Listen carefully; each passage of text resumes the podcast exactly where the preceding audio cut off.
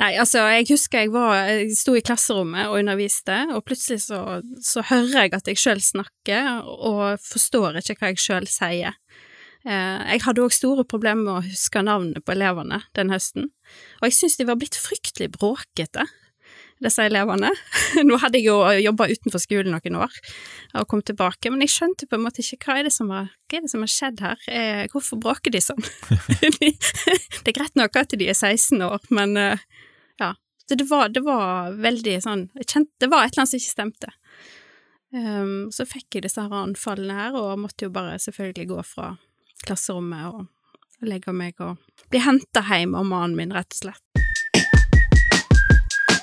Da lytter du til Sunnhordlandpodden, en podkast der du får møte spennende personer med en eller annen tilknytning til regionen Sunnhordland. Sunnhordlandpodden vi har som mål å framsnakke regionen vår, og vi tror da at alle har behov for litt heiarop, og derfor har vi lyst til å være med og heie fram de som brenner for noe her i Sunnhordland. I dag er podkasten sponsa av Marinaden, din leverandør av genialt god mat på Bømlo. Sjekk ut nettsida marinaden.no for meny og bestilling, og slå gjerne følge med Marinaden på Facebook og Instagram for å få med dere hva de baler med. Her er dagens episode.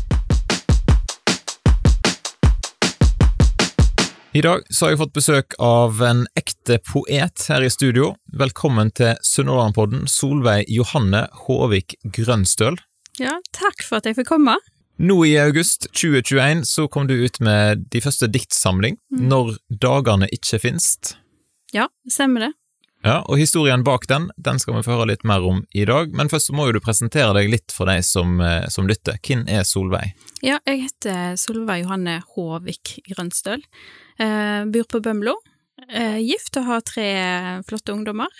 Ja. Og så har jeg ute med min første diktsamling.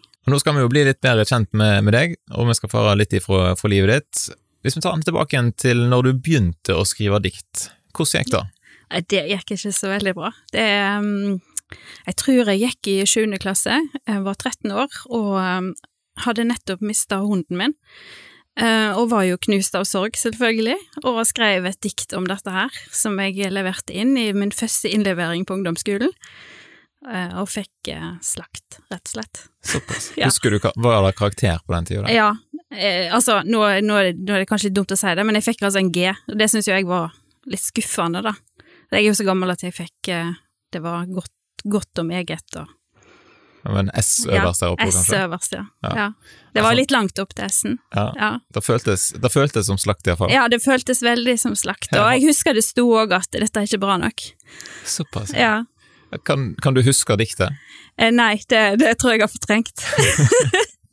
Så det, det har ikke vekk. kommet med i diktsamlingen? Nei, nei, jeg tror ikke. Jeg vet ikke om jeg har det noen plass engang. Jeg, jeg får si det sånn at jeg lukka boka Protesterte høyt, lukka boka og glemte det. Sånn. Men det er jo Ja. ganske tøft, og du har mistet en hund eh, og, og Ja, delt eh, var- hjertet ditt. det var jo det som var litt vondt, da, fordi eh, jeg følte jo at jeg hadde bretta ut hele livet mitt eh, i denne teksten, og gitt alt jeg hadde, og så var det bare ikke bra nok. Ja, det var godt, da. ja, det var jo godt, men og det var ikke helt etter mine ambisjoner, da, kan Nei, du si. Sånn Nei. er det. Mm. Men ga gav du deg da helt på dette med skriving? Nei, det gjorde jeg ikke. Men eh, det ble ikke flere dikt på ei stund. Eh, men jeg skrev jo veldig mye. Jeg var jo en sånn elev som skrev eh, gjerne ti sider hvis jeg hadde en innlevering. Så jeg elska jo å skrive. Og så skrev jeg jo en del sanger i den tida. Men dikt ble det ikke. Nei. Nei. Hva karakter fikk du på når du skrev ti sider på Nei, altså da lå jeg Da nærma jeg meg meget, og ja, da var jeg oppå S-en av og til. Ja, Så Ja. skriving, da har du altså likt hele livet? Ja, nesten. ja, jeg har skrevet siden jeg var Det begynte med dagbokskriving da jeg var bitte liten. Ja. Og så i 2015 så kom du ut med de første bok, Mm. Kvild. Hva handler den om? Det er egentlig en samling med forskjellige typer tekster. Det er um, Noen kaller det en slags andagsbok. Jeg eh, liker ikke å kalle det andagsbok, for da blir det veldig smalt, men det er liksom små tekster om livet på forskjellige, og små betraktninger om, om forskjellige ting i livet. Ja, og litt dikt er der òg. Og den kom ut i nytt opplag nå for litt siden. Ja, den ga jeg ut på nytt opplag i fjor, fordi Eller en ny utgave, faktisk. Um, det var fordi at jeg fikk så mange forespørsler uh, etter den. Så da fant jeg ut at jeg måtte gi den ut på nytt. Stemmer. Eh, hvis du skal fortelle, altså tittelen Kvild, Mm. hva betyr det? Ja, det kvild er egentlig et ord for å hvile, eller ei hvile, da, det er jo et substantiv. Eh, Det er et ord som bestemor mi brukte mye, hun sa at nå, må- nå trenger hun seg ei kvild. Så der, ja, derfor kvild. Er det ei søvndyssende bok, da? Ja, det kan du si. Nei, jeg tror ikke det. Jeg tror ikke det. Men jeg vet det er mange som har på nattbordet. Sier du da har skrevet masse, Mm. hva er det med skriving som eh, på en måte fascinerer deg, eller hvorfor liker du å holde på med det? Ja, det, det, ja, det var det, da. Um, det er jo en måte å uttrykke seg på, en måte å formidle på, en måte å samle tankene på, og måte å skape på. Uh, og så er jeg jo et skapende menneske, så jeg har jo behov for utløp på et eller annet vis. Så enten om det er å ja, ta bilder, eller lage musikk, eller skrive, da, som det har blitt mer og mer av nå. I tillegg til, til å skrive, da, så har du òg reist en del rundt. Levd et litt sånn omflakkende liv. Jeg fikk en eh, Jeg spurte etter CV-en din, på en måte, eller hva jeg skal kalle det. Eh, Så du må fortelle litt om, om det. Du har ikke alltid bodd på Bømlo, der du bor i dag. Nei, jeg har ikke det. Jeg er jo født og oppvokst i Nordfjord, Jeg bodde der fram til jeg var ni år. Og så flytta vi til Stord, og bodde i Kåravitjo. Så har jeg jo vært litt vekke for å gå på skole. Um, bodde tilbake på Stord igjen eh, som voksen, og litt på Karmøy, og så har vi reist vi opp igjen til Nordfjord i eh, Må se, nå jeg tenke 2003. Flytta vi opp igjen til Nordfjord fordi jeg lengta hjem, rett og slett. Um, så kom de ti det ble litt større, og vi hadde behov for å være nærme besteforeldre og mer nærme familien, så da flytta vi ned igjen til Sunnhordland i 2010. Mm. Ja. Så nå har dere rett og slett landa på Bømla? Ja, nå har vi slått rot, vil jeg si. Eh, vi begynte å plante trær i hagen for noen år siden, for å bare liksom bevise for oss sjøl at eh, her skal vi bo. Ja. Ja, men det var ikke et eh, hvilket som helst hus dere flytta inn i når dere flytta tilbake igjen? Nei, det var ikke det.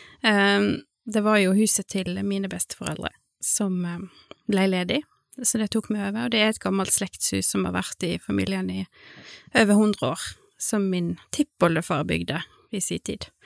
Så det er et stort, gammelt murhus med masse Ja, det er jo ja, det er jo, det er jo, det er jo noe for seg sjøl å ha et sånt type hus, da. Det, og det forplikter litt, og det, det kom litt sånn eh, hint om ikke vi skulle ha 100-årsjubileum og litt sånn forskjellig.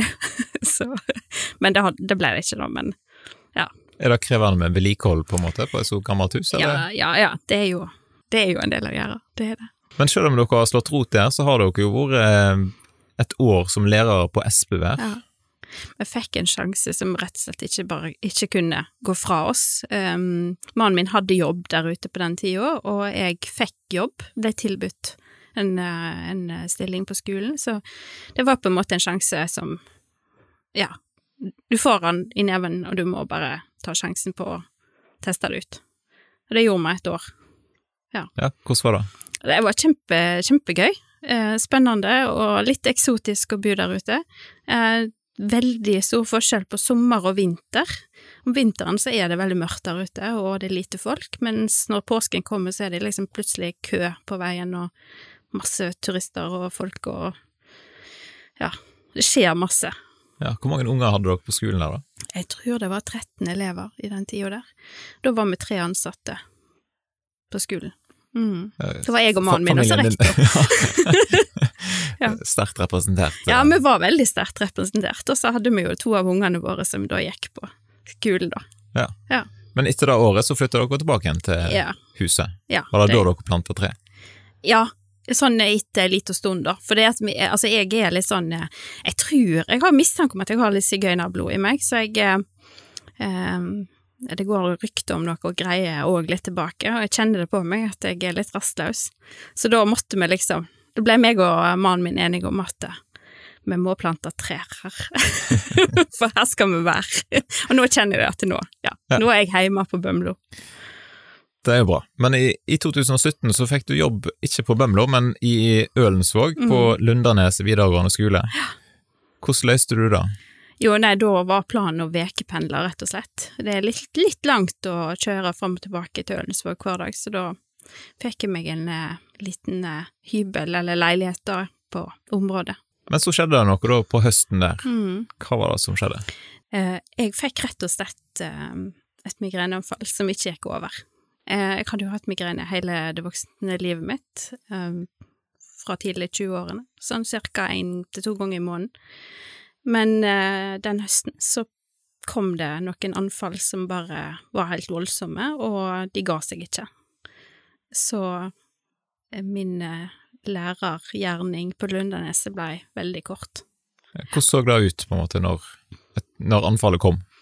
Nei, altså, jeg husker jeg var Jeg sto i klasserommet og underviste, og plutselig så, så hører jeg at jeg sjøl snakker, og forstår ikke hva jeg sjøl sier. Eh, jeg hadde òg store problemer med å huske navnet på elevene den høsten, og jeg syns de var blitt fryktelig bråkete, disse elevene.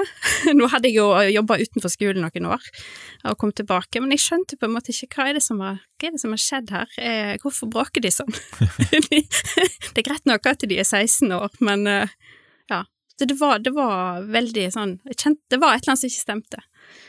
Um, så fikk jeg disse her anfallene her, og måtte jo bare selvfølgelig gå fra klasserommet og legge meg og bli henta hjem av mannen min, rett og slett. Er. Så du har fått det som det kalles eh, kronisk migrene. Mm. Hva ligger det i da? Kronisk migrene er jo definert ut fra hvor mange eh, anfallsdager man har i måneden, men da har man altså mer enn 15 dager i måneden med hodepinemigrene. Mm. Så det er egentlig så enkelt som det.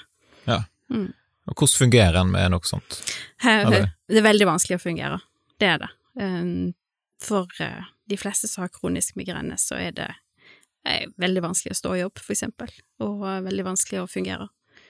Det er sterkt invalidiserende. Mm. Ja, jeg- Jeg tenkte på, i sommer, så når jeg drev og forberedte meg til dette intervjuet her, da, så hadde jeg en eh, Jeg var på ferie, og så hadde jeg sikkert fått i meg noe lurt, så jeg tror jeg hadde en sånn her eh, matforgiftning eller noe sånt, og var sjuk i sånn cirka to og en halv eh, dag. eh, og den første kvelden så hadde jeg litt feber, tror jeg.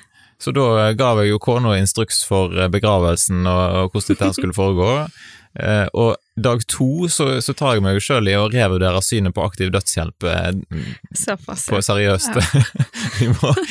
Eh, så, så du skal jo ikke tulle med en litt sånn småpjusk mann. Nei, det er Eh, men oppi det så tenkte jeg på, hjelp meg, hvordan i all verden takla du, eller hva tenkte og følte du når du fikk en sånn diagnose? Um, det er jo ikke så veldig stor forskjell på sånn som du takler det, da. Eh, bare at eh, det kanskje varte litt lenger. Og man går igjennom de fasene der der man tenker at dette her klarer jeg ikke, dette makter jeg ikke. Ehm, hvis livet mitt skal være sånn, så vet jeg ikke hvordan jeg skal klare å leve. Eh, så de fasene går man gjennom, og man er jo Så det er ikke kun pjuske menn? Nei, på ingen måte. Dette her er kjent stoff. For så et litt trøst i dag, kanskje. Ja, men, ja, men, hvis eh, det trøster litt. men det er jo kanskje noen av oss som går litt fortere ned i kjelleren enn andre. Ja, nei, men altså, det tar tid å venne seg til, eh, og så er det jo Ja, det har vært tider det vært veldig Det var veldig svart i starten, og veldig mørkt. Um, Bokstavelig talt, men første halvåret så var jeg knapt nok ute av døra. Um, men så fikk jeg jo medisiner etter hvert som fikk meg litt mer opp og ut av huset, og så jeg kunne fungere litt bedre. Så jeg er jo bedre i dag enn jeg var. Betydelig bedre. Det er jo godt. Ja. Men hva, er det noe som, i tillegg til de medisinene, som har hjulpet deg gjennom den tida? Ja, altså, selvfølgelig er det jo eh, familie og, eh, og den støtten som jeg har fått hjemme. Eh, den er jo helt uvurderlig. Og så er det jo òg fellesskap med andre som har samme diagnose. Så har vi jo, eh, vi har jo hjemme hos oss er vi tre stykker med den diagnosen, så vi har jo òg støtte hverandre. På en spesiell måte, tror jeg. Ja, for dette er litt sånn genetisk. Ja, det er det. Det er ganske vanlig at det er flere i familien som har samme diagnose. Jeg tenkte på en ting, altså litt sånn eh, humor oppi alt dette her. Mm. Dere har jo starta en Instagram eh, Ja, vi starta, jeg og hun eldste dattera min starta noe som jeg har kalt kronisk migrenehumor. Og det var rett og slett fordi det er jo lett at det blir litt tungt og trist og, traurikt hjemme når det er så mange, så mye migrene, og det er altså du må gå stilt i dørene, sant, og det, du må være forsiktig når du putter bestikket på tallerkenen, og, og det, altså, det, det, alt må gå stilt for seg, og det kan bli veldig sånn hemmende i hverdagslivet. Så vi bestemte oss for å sette litt humor på. Og humor har jo, ja, definitivt vært en ting som har hjulpet eh, gjennom denne tøffe fasen.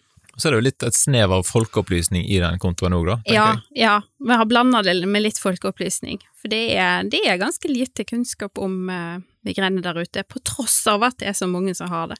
Det er jo en veldig vanlig sykdom. Og midt i dette her så skrev du diktet som heter Du kan ikke klare alt. Mm. Det var i eh, Det er tre år siden, omtrent akkurat, faktisk. Og det Ja, det blei jo til etter en sånn det var jo en veldig tøff periode som lå bak, og det gikk opp for meg en dag at eh, ja, men jeg trenger jo ikke å klare alt. Det er, det er faktisk ikke sånn at jeg må klare alt. Kanskje du skal lese diktet for deg ja, som lytter? Det kan jeg gjøre. Du kan ikke klare alt, du som måtte gå alle omvegene, alle ekstramiler. Du kan ikke klare alt. Du kan ikke klare alt, du som måtte forsere de stupbratte fjella, og vandra gjennom de endeløse, solmørke dalene med gnagende sko og overfylt sekk. Du kan ikke klare alt. De som kunne ta hovedveien, kom fort fram, men du måtte bruke krefter for et helt liv. Du klarer mykje, men du klarer ikke alt, så sett deg her litt og hvil deg til morgenen kjem. Når sola gryr, går vi sammen. Hvordan har responsen vært på det diktet? Nei, det diktet fikk eh, en helt overveldende respons, og det Ja, det var massivt, ja. Ja, for du delte det på, på Instagrammen din? Jeg delte det på Instagrammen min og på eh, Facebook-sida mi, um, og så sendte jeg det inn til noe som heter Poesiringen, som er ei Facebook-side for diktformidling, eller ja. Så da og det ble delt der, så tok det, tok det av. Og det rant inn med tilbakemeldinger. Hva tror du er som gjør at, eh, at det da diktet her fikk en sånn resonans hos folk? Nei, altså jeg tror det treffer, treffer folk, rett og slett hjemme. Um, og det noe det, det, var ei som sa det at hun følte seg sett når hun leste det diktet. Så det, jeg, tror det, jeg tror det er noe der. Man føler seg sett. Og da treffer folk som ikke ikke kun de som har eh, kronisk migrene? Nei, jeg tror, jeg tror, tror, tror det er litt bredere enn det. Ja. ja. Da diktet som du leste nå, da, var det det som på en måte ble starten på boka som du nå har gitt ut?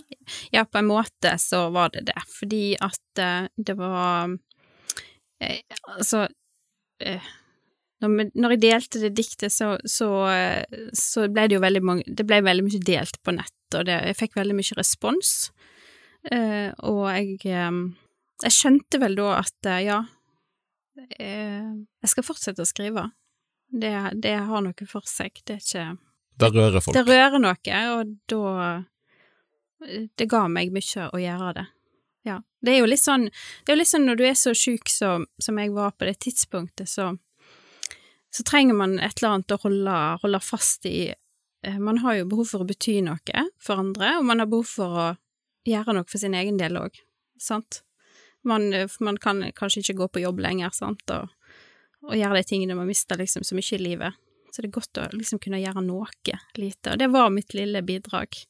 Og jeg, eh, ja, etter hvert så har jo vokst fram. I begynnelsen så tenkte jeg jo at jeg kommer aldri til å klare å gi ut ei bok igjen, men det har jo blitt mulig, da. Ja, Du må fortelle litt om prosessen med å skrive dikt, og hvordan så det ut? Ja, i begynnelsen så var jeg altså på den tida når jeg begynte å skrive igjen, dette var et halvt år etter jeg ble sjuk, så var jeg jo såpass dårlig at jeg ikke kunne bruke en datamaskin på grunn av lysstyrken i skjermen. Så da tok jeg, så brukte jeg mobilen, rett og slett, på laveste lysstyrke, så skrev jeg i notatverktøy. Uh, og var livredd for at noe skulle skje med mobilen, for jeg hadde jo ikke sikkerhetskopi. ja, så, ja, du vurderte ikke papir og penn, liksom? Nei, men jeg klarte ikke det heller. Jeg, klar, jeg klarte ikke Altså, motorikken er så, så skakkjørt at du Ja, så jeg klarte ikke det der å skrive på på, på penn. Med en penn og papir, altså. Jeg var veldig det, Dette var et tidspunkt jeg var veldig, veldig dårlig. Så det var liksom, jeg lå på sofaen, og så satt jeg, så lå jeg med denne mobilen da, og tasta inn dette her greiene. Så kan du jo, ja, det er jo lett å redigere på en mobil, sant. Nå har det altså blitt eh, Jeg vet ikke hvor mange dikt det har blitt, jeg. Ja, tenker du totalt, eller? Ja, eller som har kommet ned i boka, da, eventuelt. Åh, jeg, jeg har faktisk ikke telt hvor mange det ble. Nei, jeg har ikke det. Ikke jeg heller. Nei. Men det er jo det er noen dikt inni der, da, så Ja, du må det ha skrevet litt. Ja, Eh, altså det, er- altså det er Altså, jeg har I diktarkivet mitt nå så er det vel kanskje 600 dikt, ja. det er såpass. ja. Så dette er et lite utvalg av Er det vanskelig å velge ut da, hva som skal være med? Ja, det var jo Det er jo en prosess, det. Det er jo det. Blir de andre dikta litt sure, på en måte, som ikke får lov til å være med Ja. i boka? Kanskje. Jeg vet ikke. Ikke godt å si, men du har fått gitt ut på noe som heter Tekstforlag. Mm. Mm. Eh, Fortell litt om det forlaget. Det er et poesiforlag, rett og slett, som jeg har som mål å gi ut poesi til folket. Ja. Reinspikka poesiforlag. Ja, Mm. Tok du kontakt med deg, eller var det de som ja, tok kontakt jeg tok kontakt med deg. Ja. Jeg hørte. Og det funka greit? Ja da, det var eh, Ja, jeg fikk ja. Dette vil vi gi ut. Ja, Det er jo kjekt. Og nå har du sendt ut eh, litt sånn forhåndsbestilte bøker. Mm. Hvordan har mottakelsen vært? Ja, nå har jo akkurat eh, Første tilbakemeldingene fikk jeg jo faktisk talt i går, Eh, og det er veldig overstrømmende så langt. Ja, fått veldig gode tilbakemeldinger. Ja. Mm. Ingen som har gitt karakteren G? Nei, faktisk ikke. det er litt deilig, det, da. Enda. Men jeg vet jo ikke. egentlig burde du sendt boka til norsklæreren din. Ja. Husker du navnet på uten at du skal si det? jeg sier det ikke, men jeg husker navnet, ja. Du burde sendt uh... Ja, jeg burde egentlig det, men jeg er litt usikker på om hun lever. Hun var ei gammel Da dame kan det bli krevende. Ja, jeg må eh, sjekke opp i dette her. Men nå, eh, altså, nå skal Altså, i rettferdighetens navn, hun gjorde veldig masse bra. Eh, og ja, så jeg, jeg har mye å takke henne for. Ja, det er det godt. da. Nå har dikta dine dukka opp litt andre plasser enn bare i den boka som du har gitt ut. Mm. Du har delt masse sjøl i sosiale medier. Mm. Hvordan har responsen vært der? Eh, Responsen har vært veldig stor og god. Mm. Og det er jo litt det som er spennende òg i dag med å skrive, skrive dikt og legge ut i sosiale medier, så får du umiddelbar respons, og du får en dialog med leserne. Så det er jo en veldig Det var litt annerledes før i tida, sant? Skrive dikt, og så gir du ut ei bok, og så hører du aldri noe mer, kanskje. Sikkert på en litt annen måte for Bjørnson og disse her gjengene. ja, jeg tror det. Jeg tror det. Men kan en tenke at ja, men jeg kan jo bare lese dikter på Instagrammen din, hvorfor skal jeg gidde å kjøpe ei bok? Ja, her får du, jo, får du jo mange på en gang, da. Ja. Så kan du jo ha den på nattbordet og lese opp igjen og opp igjen, og ha den med deg, og ja. ja. Det, det er kanskje litt mer stas med ei bok. Er ikke det kjekt å ha ei bok å holde i, da? Jo. Jeg må jo nesten si det, jeg er gift med en bokhandler, så det Ja. du får kjeft nå hvis ikke du Ja, ja, alle må kjøpe bøker. Ja. Eh, men de har òg dukka opp andre plasser. Du Mm. snakket mm. litt i innledningen her med meg om at de var kom til heisen noen plasser. Ja, det er et sykehus som hadde diktene mine i heisen en eh, periode, ja. Så da kunne folk lese diktene mine i heisen, Det på vei opp og ned. ja. Ja, artig. Tar de da kontakt med deg og spør er det greit om jeg bruker de i heisen? Ja. Ja, det Ja. ble gjort, det, altså. Ja. Jeg er veldig glad når folk spør. Det er greit at Ja. det gjøres på en litt sånn ryddig måte. Ja, veldig greit. Og så har de jo kommet inn i andre bøker som har blitt gitt ut. Ja. Eh, I fjor høst så kom det ei bok på Gyllendal forlag som heter Å løfte og bli løftet, som ei som heter Bjørk Mathiasdatter har skrevet, og der er tre av mine dikt. Blant annet Du kan ikke klare alt. Hvordan føles det? Jeg blei veldig eh, Det var litt eh, Jeg ble litt rørt, og man blir litt ydmyk når man får et sånt spørsmål. Mm. Det er sikkert flere enn meg da som husker med litt sånn skrekk jeg er ikke skrekkblanda fryd, men i hvert fall skrekk. Eh, diktanalysen i norsktimene på, eh, på ungdomsskole videregående. Mm. Hva tenker du om at nå skal kanskje andre sitte og analysere dikt som du har skrevet? Ja, det er jo det er med skrekk fri, det òg, da. Det er jo det. Hvis det, noen har lyst til å ta det inn i norsktimen. Men det er jo en ære, da. Mm. Dagens tips til eventuelle norsklærere som lytter. Ja, hvis de eh, har lyst, så kan de få lov. Men, eh, men jeg håper jo det at eh, diktanalysen kanskje ikke er så sånn som var når meg og deg var unge, da. Det, er, det, det har jo ført til at veldig mange på vår alder og eldre enn oss òg eh, hater dikt. Og det har vært veldig upopulær, upopulært å lese dikt. Men nå har det jo endra seg, da. Det er jo veldig mange flere som leser dikt i dag enn bare for noen år siden. Så har jeg jo inntrykk av at i hvert sånn i sosiale medier-konteksten så er no dikt noe som fungerer Ja, det bra. gjør det. Det gjør det, og der har jo Trygve Skau gjort en kjempejobb. Eh, eksempel. og- Ja, for eksempel, og det er jo andre òg, selvfølgelig, men, eh, men no, er, altså, sosiale medier en, passer, passer, dikt, på, dikt passer veldig godt inn i det formatet. Iallfall disse små diktene, da. Ja. Mm. Det er noe med å kunne formulere seg eh, kort og Ja, altså går det, det går jo veldig eller? fort på sosiale medier, så ja. Det har iallfall Det er veldig mye dikt og poesi der ute. Mm. Hvis, eh, hvis du skal fortelle litt om, om prosessen med å skrive dikt, da, kanskje du kan inspirere noen andre til å sette seg ned og gjøre var det? Hvordan går du fram når du eh, skriver et dikt? Uh, vet du hva, det er så forskjellig fra, fra dikt til dikt, men um, ja, det, er, det har jo veldig ofte et utgangspunkt i noe jeg ser eller observerer ute. Det kan være i naturen, eller det kan være noe jeg hører bli sagt, noen som sier noe. Um, det kan være noe jeg opplever, følelser, um, hva som helst, egentlig. Eh, og så setter jeg meg, bruker ofte mobilen ennå i dag, skriver ned eh, de få setningene jeg kommer på, og så lar jeg det ligge. Eh, og så eh, kan jeg sette meg ned litt mer systematisk med, med dataen og, og skrive. Og, og av og til så bruker jeg noe som heter tankeskriving. Da skriver jeg bare alt jeg kommer på eh, der og da. Skriver og skriver og skriver, uten å tenke på verken rettskriving eller noe. Og så, og så plukker jeg ut ifra det. Så sånn begynner det ofte, da. Men så er det jo en lang prosess fram mot et ferdig dikt. Det er jo Men så hender det jo av og til at eh, alt bare kommer, da òg, og så bare skriver man det, og så er man ferdig. Men uh, veldig ofte så er det ikke sånn. Hva vil du si er det mest krevende med å skrive dikt? Kanskje det mest krevende er jo ikke å gjenta seg sjøl hele tida. At, man, eh, at ting blir for likt, at man går inn i sånne faste spor. Men Vil du rett og slett anbefale folk å skrive dikt? Bør, bør det norske folk skrive mer dikt? Hvis man har behov for det, så er jo Men, men det å skrive vil jeg absolutt anbefale. Om ikke nødvendigvis dikt, så i alle fall det å skrive. Det er veldig mye eh, godt i det å eh, formulere seg og, også få satt ord på tanker og følelser. Så det vil jeg anbefale, iallfall. Ja, det er for en genial måte å rydde opp i Ja. tankene sine. Ja, man gjør jo det. Sånn sett. Men eh, i dag, da, hvordan går det med migrenen nå for tida? Eh, den er akkurat, eh, akkurat nå, sånn nå i sommer, så har den vært litt bedre. Det har den. Varierer det fra årstid, på en måte? Ja da, det er som regel verre Altså, hos meg er det sånn at hvis det er veldig ustabilt vær, da blir migrenen verre.